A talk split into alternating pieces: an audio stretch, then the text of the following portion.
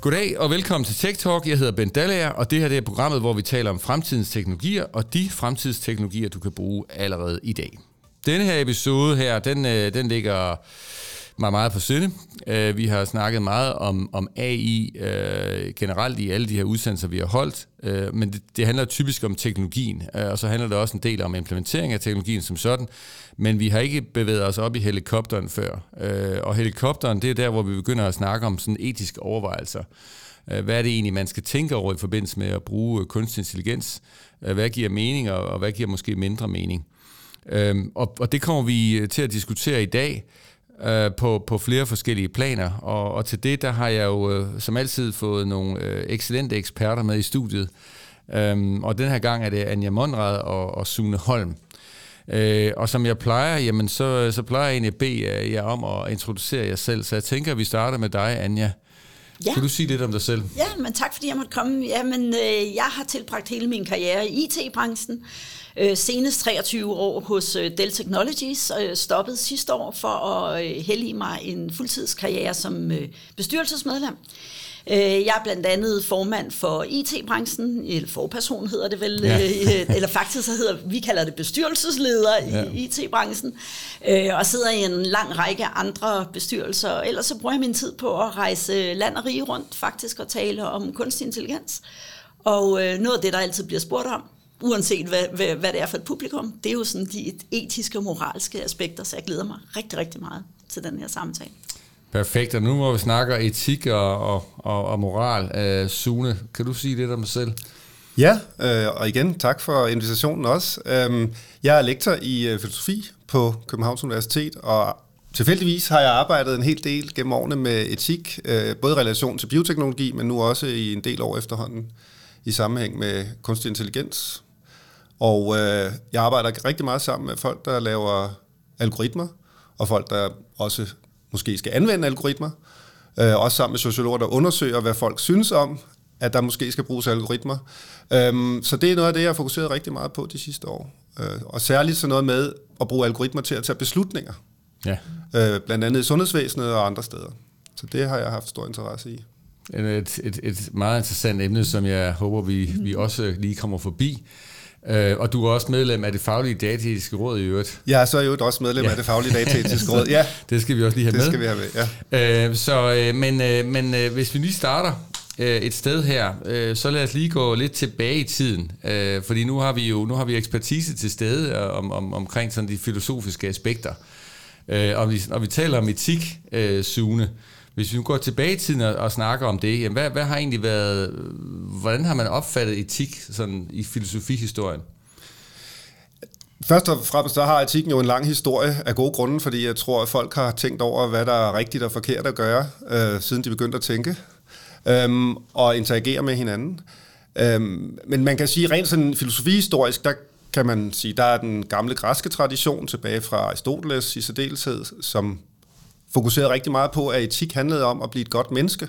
Mm. Så hvordan bliver jeg et godt eksemplar af min slags? Ja. Øh, så senere hen i øh, historien, 1700-1800-tallet, der kom der nogle øh, mere, hvad skal man sige, principbaserede øh, etikker. Så øh, man har øh, en etik fra Immanuel Kant, øh, som handler meget om, at vi skal følge moralloven, som man kalder det, og det er i bund og grund at handle øh, på nogle bestemte måder, respektere folks rettigheder for eksempel. Og så er der fra den britiske side en stærk tradition for det, man kalder nytteetik på dansk, hvor man kigger rigtig meget på, jamen, kan man, det rigtige at gøre, det er at gøre verden til et bedre sted, mm. som maksimerer velfærd i en eller anden forstand. Ja. Øhm, og, øh, og det er sådan de tre hovedpositioner, der i og for sig er. Øh, og så er der også en fjerde position, som øh, også stammer tilbage fra, fra Storbritannien, øh, Thomas Hobbes, som øh, forestillede sig, at vi ikke havde nogen moralske normer overhovedet i samfundet. Og det tænkte han, det ville være alles kamp mod alle hele tiden. Mm. Så det han argumenterede for var faktisk, at det at opføre sig moralsk, det var egentlig baseret på, at det var i ens egen interesse. Okay. Så der er, det at handle moralsk, det skal man, kan man roligt gøre, fordi ifølge Hobbes, der er det faktisk noget, der tjener dig selv, og det er derfor, det er rigtigt at være moralsk, det er fordi, det er bedst for dig selv. Og de andre etikker kigger nogle andre steder hen, og utilitaristerne eller nytteetikerne siger, det rigtige at gøre, det er at gøre verden så godt et sted som muligt. Det kan godt være, at du skal ofre noget for dig selv, ja. men til gengæld så bliver verden bedre. Og Kant han kigger, og hans øh, folk, de kigger meget på, at der er nogle bestemte regler, man skal følge, uanset hvad konsekvenserne måtte være. Så det kan godt være, at verden bliver et dårligere sted i forhold til velfærd, men til gengæld gør man det rigtige. Ja, og defineret med, øh, defineret med, med nogle bestemte regler, ja. Ja, ja. Pligter, og, og så kan man have en lang diskussion om, hvem definerer så dem. Præcis. Øh, og så det er sådan de hovedstrømninger, der har været. Og så kan man sige, at i dag der er det jo stadigvæk de teorier, der ligger til grund for den analyse, som man typisk foretager, når man arbejder øh, filosofisk med etiske problemstillinger. Ja, og hvordan ser du det så? Fordi nu, øh, som, som det vi skal tale om i dag, det er jo sådan AI og etik, og jeg tror i virkeligheden, Øh, jeg ved ikke, om jeg har belæg for at sige det, men det er i hvert fald min fornemmelse, at, at ordet etik er, har jo ligesom fået en kæmpe renaissance. Altså i det øjeblik, vi for alvor begynder at arbejde med data og AI, så, så, så er etik pludselig, øh, jeg vil tro, det optræder med betydeligt flere hits i, i forskellige medier nu, end det gjorde for, for 20 år siden. Så, så når vi snakker AI-etik og dataetik, hvordan, hvad, hvordan ser du den? Nu har du de her forskellige retninger. Hvad, ja. hvad bærer den præg af? Jeg tror, at den bliver præget af, at det hele øh, bliver blandet sammen, og med god grund, fordi at øh, der er jo, altså, når vi taler om en teknologi, der kan gøre en stor forskel for, hvordan vi opfører os over for hinanden, og hvordan vores liv øh, vil være, mm. så bliver det jo også relevant at spørge selv, om, den er, om vi gør det rigtige med den, og om vi bruger den rigtigt. Så i en vis forstand kan man sige, at det er jo et stort... Øh, meget positivt, når en teknologi lige pludselig bliver kædet sammen med etiske problemstillinger, fordi det er jo et tegn på, at den faktisk øh, kan gøre en forskel. Ja. Den etiske diskussion kommer jo så ind, når vi skal stille os finde ud af, okay, hvordan gør vi så en forskel for det bedre? Hvordan gør vi en forskel for, at folk de kan få et bedre liv, eller vi respekterer deres rettigheder, øh, osv. osv. Øhm, så det er det ene lag, det er, at, øh, at alle de her spørgsmål kommer op, fordi teknologien er vigtig, og, vi har, og de her teorier giver forskellige bud på, hvad er det så, der afgør, om det er den rigtige mm. måde at handle på. Det er jo det, de forsøger på at svare på, men hvad er en rigtig handling i bund og grund?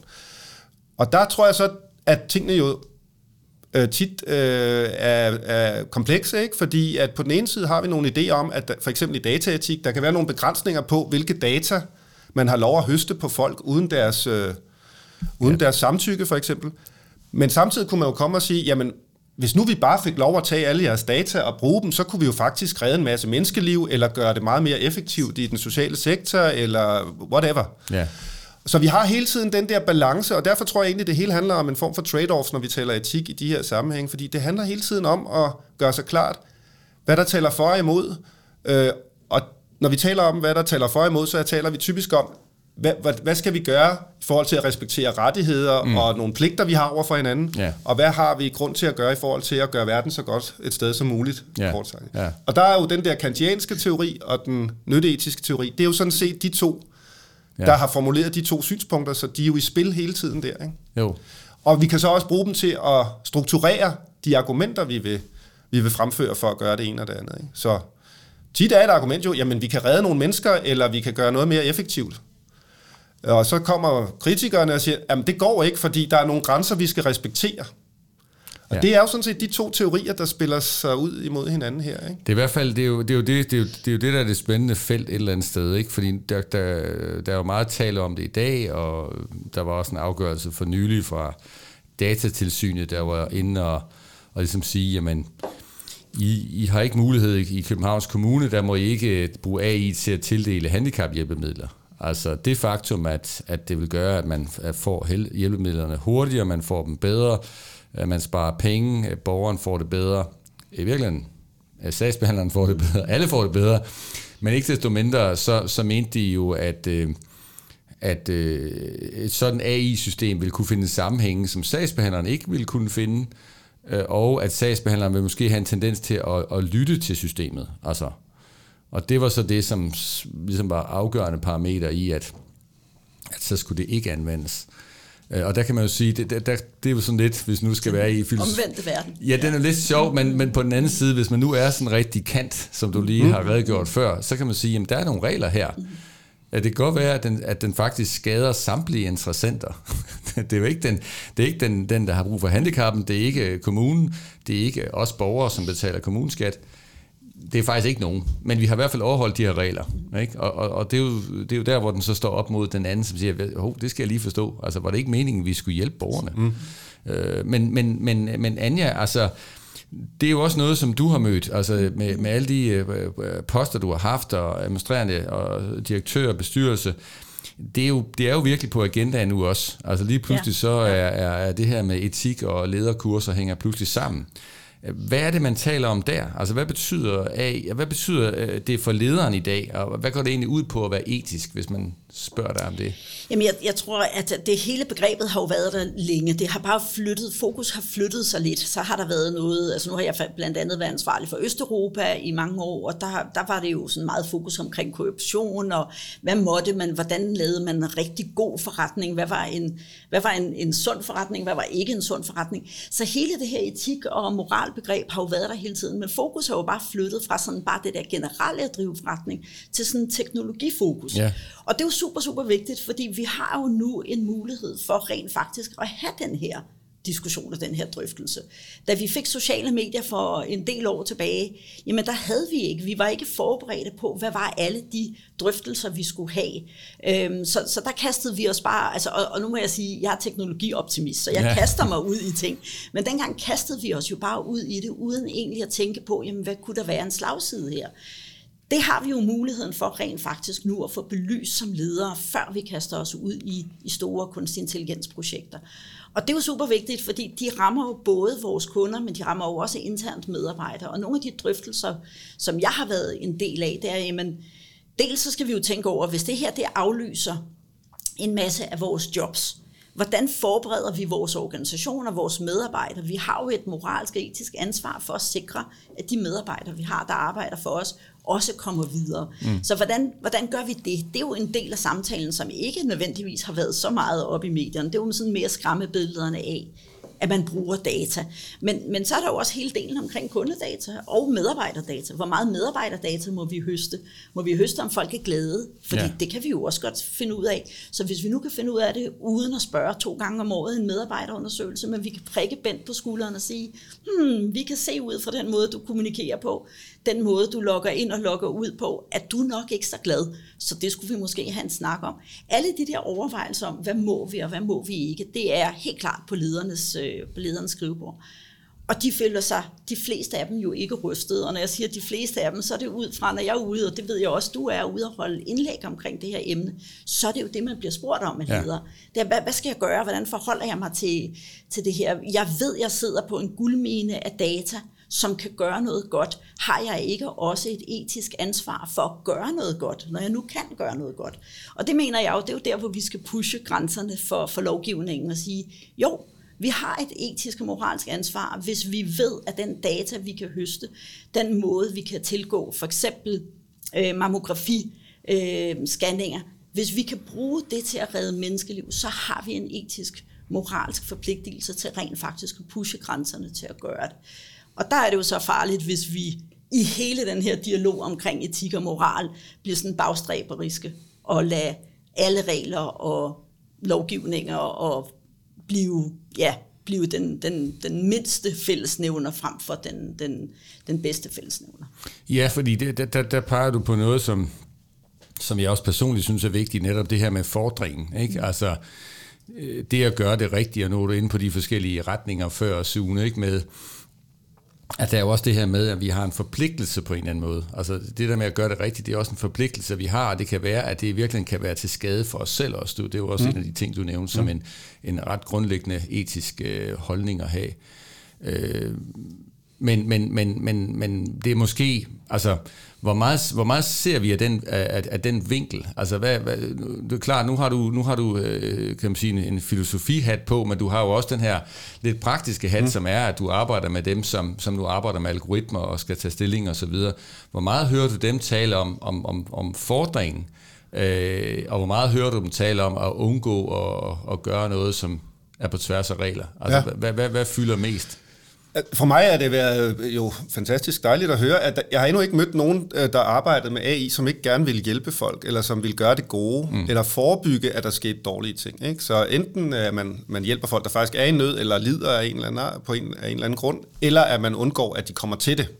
Øh, ved at kunne forudsige bedre, hvad der kunne ske dem osv. Så, så jeg tror, intentionerne er som regel rigtig gode. Øh, det, det er de første, der, der går og vil gøre ondt på andre sådan, øh, ja. med vilje. Ja, præcis. Den store disk- så i den forstand tror jeg ikke, der er nogen, der er bagstræberiske i forhold til ikke at ville bruge AI til at gøre gode ting. Jeg tror, der hvor at øh, udfordringerne kommer ind, det er, at der er et behov for at gøre sig klart, hvad er det for nogle værdier, der ligger til grund for at anvende det. Mm. Og være ærlig om det, og det kan man kun være, hvis man faktisk tænker lidt over, hvad det er, der driver en til at gøre det. Og det tror jeg for eksempel også i virksomheder, der vil introducere større brug af AI. For eksempel har jeg tænkt på, hvis man skal hyre medarbejdere. Det er jo algoritmer, der bliver udviklet og allerede bliver brugt øh, forholdsvis øh, bredt til at, om ikke andet, screene ansøgere. Ja. Der kan man jo godt have den antagelse, at når vi har noget data, og så laver algoritmen nogle statistiske analyser, og så bliver den rigtig god til at forudsige, hvem der vil være en god medarbejder her. Men inden da skal man jo definere for algoritmen, hvad er en god medarbejder? Det kan den ikke selv finde ud af. Man skal faktisk sætte nogle ret præcise mål på det. Er det en, der ikke har for mange sygedage? Fordi i det tilfælde vil det være en gruppe, øh, vil kvinder højst sandsynligt nemmere være dårligere medarbejdere end mænd, fordi de måske tager flere sygedage mm. på grund af børn og sådan noget. Er det den, der har størst indtjening til virksomheden? Er det den, der skaber mere glæde hos de andre? Alt det skal man jo begynde at tænke over. Ellers så går man ind i det i blinde. Og, og, og grund til, at jeg nævner det eksempel, er, at jeg synes, det illustrerer meget godt, at der er utrolig mange antagelser om, hvad der er godt og skidt, mm. som går ind, inden man overhovedet begynder at anvende algoritmen. Og det falder jo tilbage på dem, der så vælger at bruge den og udvikle den, og om ikke andet formulere, hvad er det for nogle antagelser, vi gør os, fordi så kan vi i det mindste diskutere dem.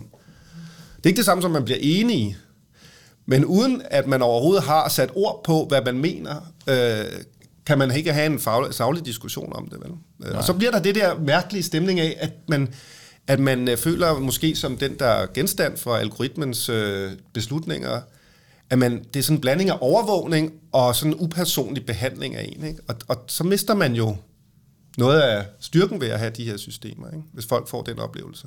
Jo, præcis, og, og, det, og det er jo derfor, det er ret, altså det er jo klart, det er jo svært at, at komme helt udenom det, der også handler om forståelse. Altså at, at når man diskuterer noget etik, øh, så siger man, at det er det rigtige at gøre, og beslutninger, som, som, den, som den kommer frem til, kan man sige, at man kan tage.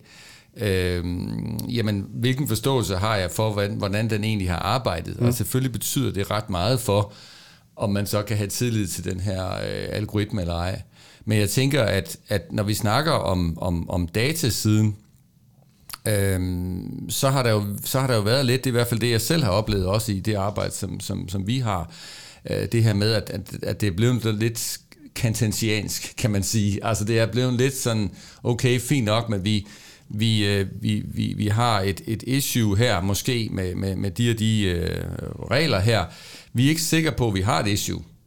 Men, men, men, men lad, os da, lad os da hellere, øh, og nu overdriver måske lidt, men til en vis grad, lad os hellere lade være med at gøre noget så. Mm. Altså så lad os hellere lægge det her projekt ned, fordi, fordi der kunne være nogen, som, hvor det måske var en ulempe for.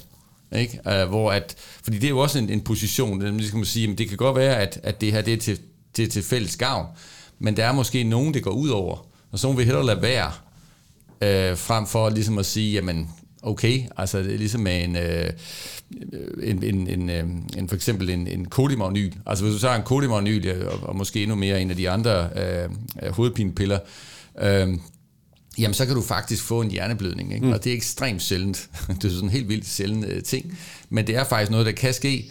Men det er jo ikke sådan, at vi har forbudt øh, hovedpinepiller af den mm. grund. Mm. Øh, og, øh, og, og på samme måde her, der er det sådan lidt, okay, men kunne det ske? Jo, det kunne godt ske, men, men skal vi så lade være? Mm. Øh, og jeg, jeg, jeg, jeg, jeg ved ikke, altså, hvordan, hvordan, når vi snakker om det emne der, Anja, altså, hvordan, hvordan ser du på, hvad, hvad, hvad, hvad kan der ske for en virksomhed, sådan i, i henholdsvis sådan best case scenario og sådan ja. worst case scenario i, i det her spændingsfelt, som Sune snakker om? Altså, hvordan, hvor, hvor, hvor kan du se tingene gå hen, og, og hvor burde de måske gå hen? Altså best case scenario er jo selvfølgelig et eller andet sted. Altså nu, nu siger Sune jo godt, der er jo ikke nogen, der gør det her for at, at skade andre, men altså der, der, er jo, der er jo mange penge i hele den her industri, så jeg, så, jeg, så jeg vil undlade at sige, om der ikke er nogen, som måske høster data, fordi det er jeg helt sikker på, jeg har ikke, er. Jeg har ikke mødt nogen, der vil det onde. Det er men som udgangspunkt vil de fleste jo gerne enten optimere den måde, de driver deres forretning på, eller skabe en ny forretningsmulighed. Ja. Og, og, og, og alle de her best case scenarios, det er jo netop, hvor man går ud og finder ud af, at vi kan gøre noget godt for vores kunder, som ja. rent faktisk er til gavn for både dem og os. Ja. Øhm, og, øh, og, og worst case scenarios, det er jo der, hvor der er, er, er kommet altså bias ind i den måde, vi, vi bygger vores algoritmer, der hvor vi ikke har tjek på vores privacy, der hvor vi ikke har tænkt over, hvad er det for en transparens i beslutningsprocessen i de her algoritmer. Øhm, og, og de diskussioner, som, øh, som øh, øh, i de virksomheder, hvor jeg har været, øh, går jo netop på, jamen vi, skal, vi bliver nødt til, på, også i bestyrelseslokalet, at have en drøftelse af de her forskellige punkter. Have en drøftelse af, hvad er vores holdning til hele den her... Øh, ansvar og, og, og, og transparens. Hvordan får vi forklaret, hvordan vi vil bruge kunstig intelligens i vores virksomhed? Hvordan bruger vi det over for vores kunder? Hvordan bruger vi det over for vores medarbejdere? Øhm, hvad, hvad er vores holdning? Hvad har vi gjort for at sikre os imod bias? Ja. Øhm, så, så det der worst case scenario, det er jo, hvis man kaster sig ud i det, man ikke har gjort sig nogle overvejelser, og man så ender ud med at have bygget netop nogle algoritmer, som bygger på noget, noget bias data, som så får minoriteter til at blive endnu mere marginaliseret, eller, eller altså få for forstærket nogle af de her ting. Øh, men det er jo en fantastisk mulighed for virksomheder til at tage stilling til alle de her områder. Få det ind i deres øh, ESG-rapportering under mm. hele governance-området og sige, vi bruger kunstig intelligens, vi bruger det internt, vi bruger det eksternt. Det er den her måde, vi har overvejet at gøre tingene på. Fordi måtte man så komme ud i en eller anden fejlsituation på et eller andet tidspunkt, at der er noget, man har overset. Og det kan jo selvfølgelig ske, fordi vi er jo sådan på en eller anden måde i over nul øh, med at, at, at udnytte muligheden. Så kan man i hvert fald sige, det er jo ikke fordi, vi er gået totalt blindt ind i det. Vi har lavet overvejelser, og nu tager vi den her nye læring, vi har fået, og bygger ovenpå.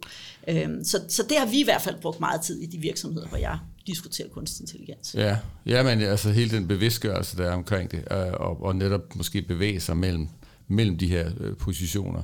Ja. Øh, men, men nu nævnte du, nu nævnte du det med... Øh, øh, med etniske minoriteter. Ja. Øh, og, og der, er jo, der er jo sådan en række tilfælde, som, som har været fremme, også i medierne. Ja. Ikke? Øh, og, og jeg synes jo, det kan være en lidt svær position. Nu kan man sige, nu har vi, nu har vi jo så øh, igen øh, filosofen i studiet her, men, men det, er jo, det kan være lidt svær position at være i, fordi på den ene side så, jeg tror det var i forbindelse med, øh, at man skulle hjælpe arbejdsløse, at så var, var etnicitet, det var en af de ting, der gjorde, at man kunne have lidt sværere ved at komme i arbejde, hvis man havde en bestemt etnicitet. Det var noget af det, som modellen kom frem til. Men, men, ja. Og der kan man så sige, øh, det blev så en stor mediesag, og så blev de nødt til at, at lukke det projekt ned, fordi det kunne ikke passe, at, øh, at man på den måde skulle stigmatisere øh, folk med en bestemt etnisk oprindelse. Men, men det er jo en lidt bestemt sjov diskussion, ikke? fordi på den anden side, det her er jo udtryk for noget, der faktisk ligger i data, og, og typisk så det, der ligger i data, har jo en sandhed bag sig. Det er jo simpelthen fordi, at det typisk er sværere for folk med en bestemt etnicitet faktisk at få job i forhold til nogen med en anden etnicitet.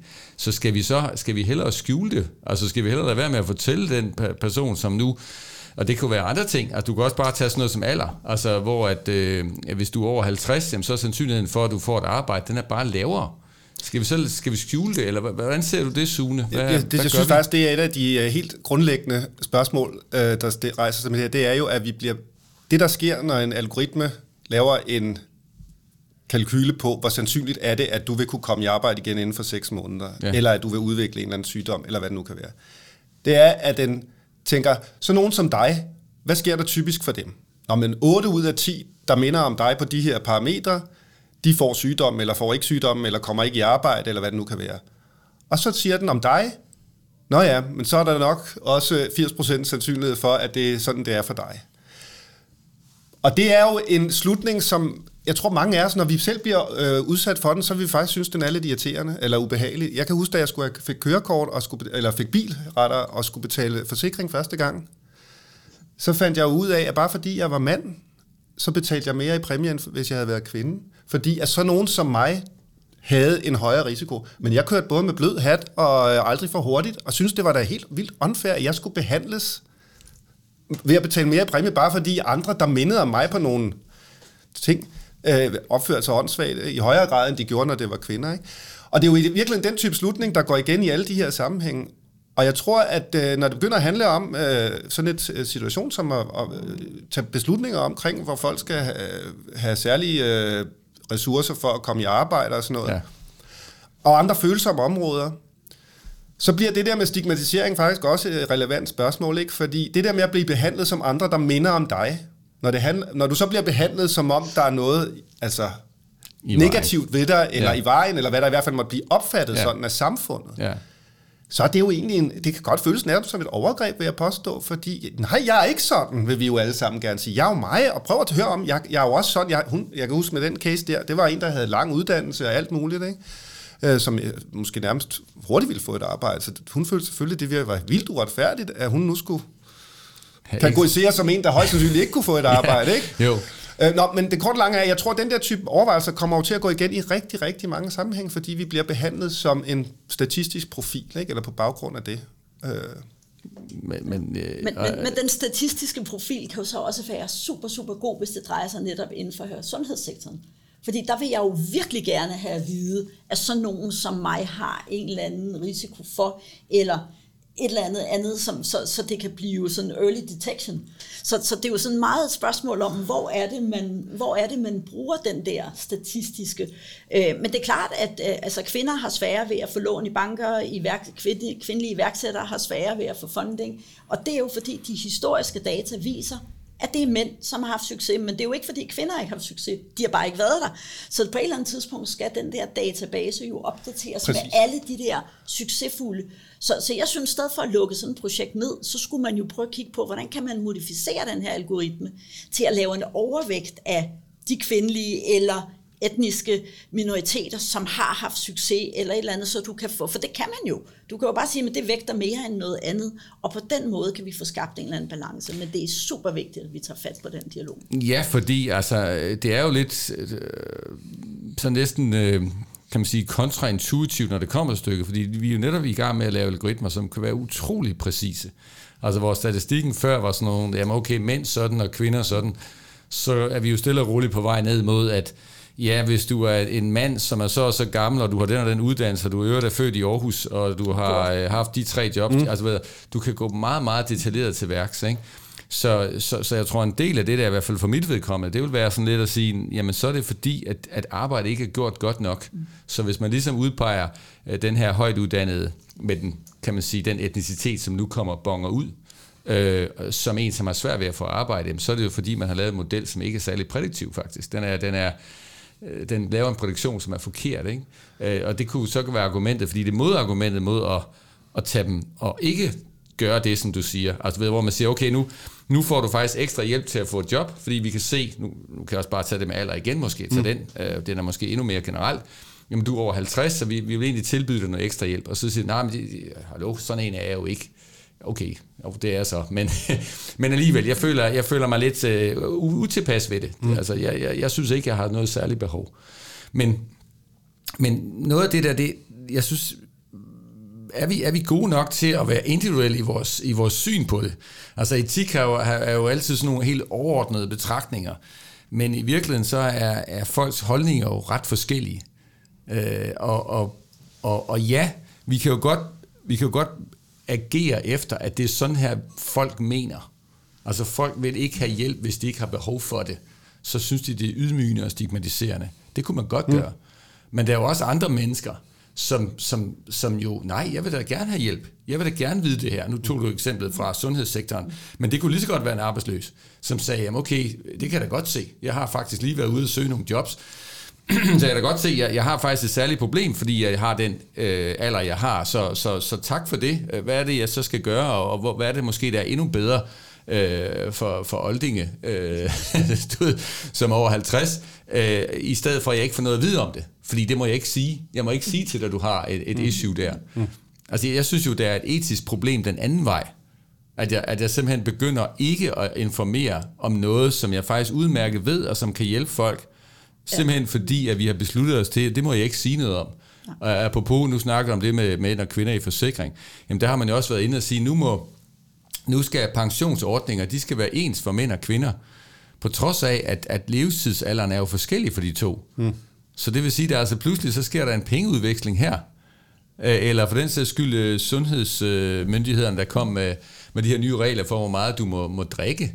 Altså, mm. hvor man jo ved, at kvinder generelt igen du ved, har, har, kan, kan, kan klare mindre alkohol.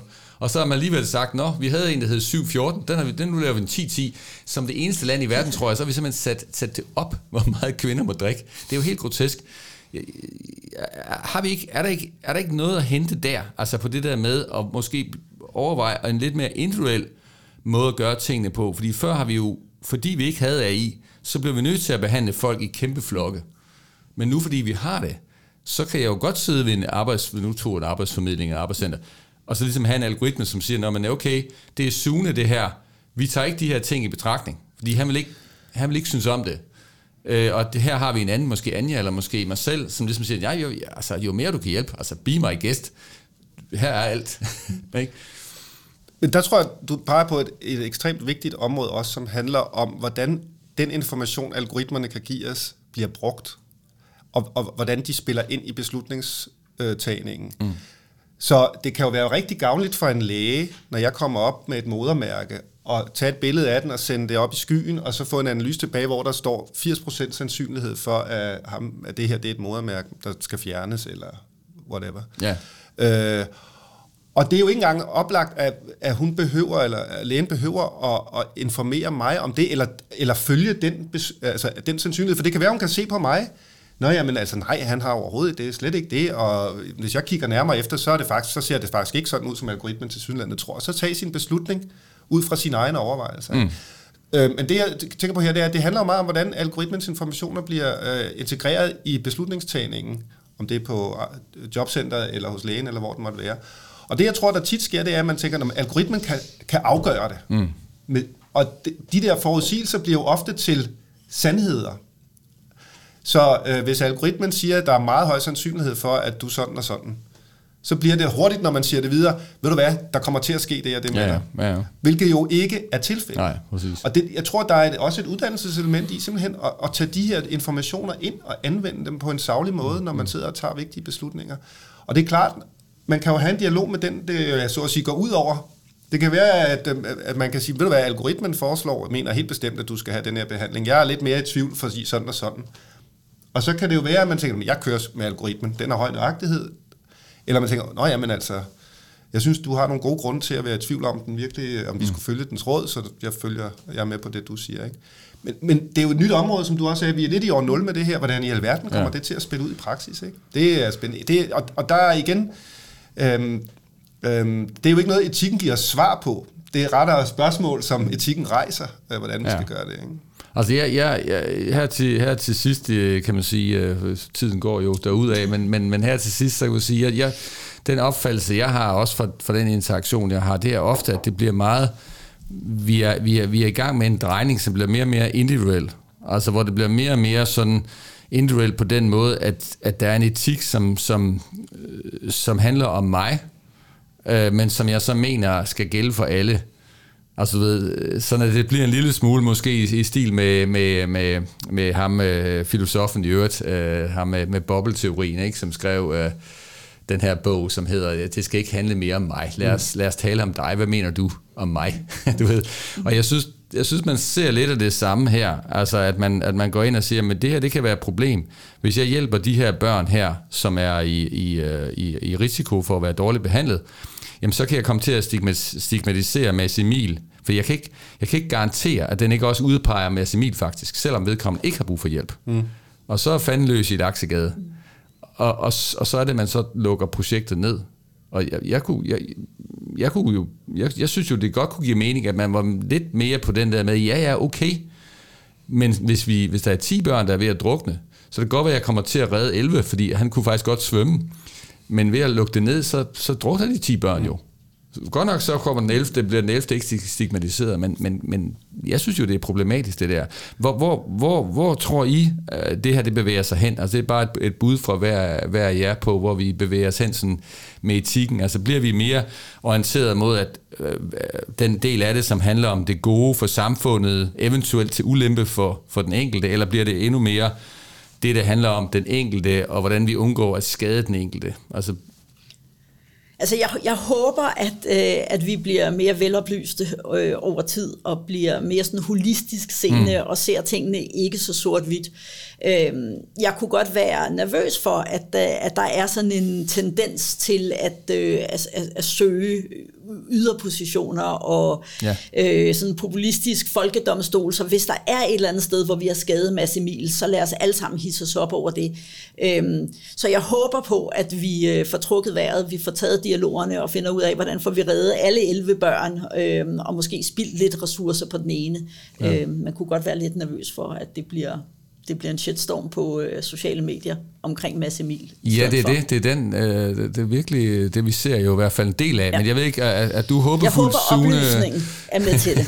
Jamen, jeg, jeg, jeg tror, at den der, de her shitstorm, de kommer øh, ligesom øh, så mange andre storme. Øh, og, og, og det er jo en del af debatten, altså en del af et samfund, at der vil være historier om individer, som fylder meget. Mm. Øh, men igen, der tror jeg, at det er vigtigt, at bag dem, bag de debatter, ligger en meget bredere og mere øh, kontinuerlig diskussion, som den I har i det her, mm. øh, de her podcasts og alle mulige ja, andre ja. har, ude i landet og rundt omkring, hvor man, man øh, mere nuanceret går ind i, hvad der er rigtigt og forkert at gøre, fordi øh, øh, det er hverken det ene eller det andet, selvom ja. det er det røvkedelige svar, ikke? men altså, det er, jo, det er jo klart, at nogle gange må vi ofre os selv eller hinandens velfærd i en eller anden udstrækning for fællesskabets skyld, og nogle gange mener vi faktisk ikke, at vi bare kan ofre et individ for fællesskabets skyld. Altså, der er ikke nogen, der bare kan komme og tage mine organer, fordi de kan redde fem andre. Nej. Men det, er, men det er jo faktisk det, der og, er på og, spil det kunne, og, og det kunne være det ekstreme, du ved, jo, men good fem for liv, society, fem liv versus for you. et liv, altså ja. herregud, det er da en rimelig ja, ja. god deal på en eller anden Ja, måde. Ikke? Hvis vi gjorde det hele Ja. tiden, så ville vi da virkelig kunne få noget ud af det. Ja. Og det er jo lidt, men det er jo lidt den type sådan, Ja, ja. kort Ja, sagt, ja, ja, det- diskussion, det- der er her. ja. Og der er det jo nogle gange, vi mener, nej, men hallo, der er jo grænser for, hvad vi kan gøre ved hinanden. Ikke? Tak for, for, for jeres medvirken. Det har været, øh, det har været en, en god diskussion. Og øh, lige inden vi slutter, så har vi sådan en, der hedder episodens skæve anbefaling. Og, og det går på, at vi anbefaler en artikel, en film, en bog eller noget fjerde, som ligesom kan ka- kaste et eller andet perspektiv på det, vi har snakket om fra en eller anden vinkel. Øh, og jeg plejer egentlig selv at indlede, og... Og før vi talte sammen, så havde jeg tænkt mig at, at tage en lidt tung øh, ting frem, nemlig øh, K.E. Løstrup, som har skrevet en bog, der hedder Den etiske fordring, øh, hvor man så ligesom kan se lidt om det her med, okay, altså det handler ikke kun om, at vi skal, vi skal undgå, at vi selv ryger ind i et shitstorm. Nogle gange har vi faktisk også en fordring til at gøre ting. Men jeg blev lidt inspireret af også at tage en anden med, så nu har jeg taget Max Frisch, øh, som har skrevet en glimrende bog, der hedder Homofaber, som er ret interessant, og som netop belyser det, som Sune var inde på. Det kan godt være, at statistikken siger noget, men, men, men hvad, hvad er det egentlig det liv, som jeg lever? Uh, og det er ret interessant at se, hvordan den her, det her tekniske menneske, som det betyder, hvad der egentlig sker i hans liv. Jeg kan kun anbefale den. Uh, Sune? Det er en fantastisk bog, den der. Det, og ja, det er mange år siden, jeg læste den. Den er også filmatiseret, ikke en helt dårlig film heller. Øh, men jeg har taget en artikel, som jeg lige har læst i Weekendavisen for nylig, af Lone Frank, et interview, eller baseret på et interview med Sune Lehmann, som øh, for nylig har jo været med til at lave en algoritme, der, jeg mener, den hedder Life to Væk. Og der er tanken sådan set, at, øh, at man vil bedre og bedre vil kunne forudsige vores livsforløb. Lidt som øh, sådan en, øh, hvad hedder det der, autocomplete på, når man Ja. skriver en sætning, ikke? Ja. Øh, at øh, når der sker nogle begivenheder i dit liv, så vil du lige pludselig få en højere sandsynlighed for, at der også sker noget senere hen. Øh, og jeg synes bare, at den artikel er meget super og rigtig informativ, og så rejser den bare alle de der spørgsmål, som er vigtige.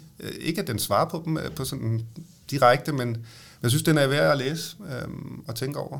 Vil jeg overhovedet vide, hvor gammel jeg bliver? Vil jeg overhovedet vide, hvad det næste er, der kommer Se, til at ske? Det er jo det, man tror, man får at vide, hvor gammel man bliver, men det er ikke det, man får at vide. Man får at vide, der er en højere sandsynlighed for, at der vil ske noget med dig i fremtiden. Ja, ja, ja netop. Ja. Øh, men altså, i, uanset, ikke, så er det stadigvæk noget, der pludselig præger dig. Ikke? Præcis, man kommer nemt til at tænke, Ikke? "Nå, Og så så skal jeg handle på det. spørgsmålet, Ja. Hmm. Anja? Jamen, jeg har taget øh, en øh, bog med af min øh, gode veninde øh, Christiane Vejlø, som har skrevet Argumenter for mennesker, øh, som jeg synes er super, super spændende, fordi den netop øh, går ind i alle de her områder, og det er også et spørgsmål, man ofte får, når man er ude og taler om kunstig intelligens. Jamen, hvad skal der så ske med os, og kommer det og tager alle vores jobs, og hvad, er der overhovedet behov for os? Og jeg synes, Christiane går rigtig, rigtig fint ind og argumenterer for, hvor er det, at mennesker adskiller sig fra det, som teknologien kan.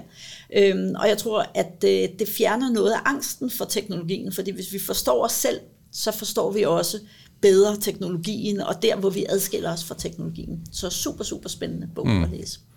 Ja, en af, de, en, i øvrigt en af de måder, vi adskiller os fra teknologien på, det er, at vi hele tiden ønsker at lave nyt, nyt, nyt, og vokse og vokse og vokse. Ikke? Og, ja, men det, det kan man altid sige noget om en anden udsendelse. Men jeg vil sige mange tak, øh, og øh, nu når vi ikke mere. Husk, du stadigvæk kan finde alle episoder af Tech Talk på, på Spotify, Apple, eller hvor du nu lytter til podcast. Jeg hedder Ben Dallager. Tak for, at I lyttede med til Tech Talk, og husk, vi er alle interesserede i fremtiden, for det er her, vi skal tilbringe resten af vores liv.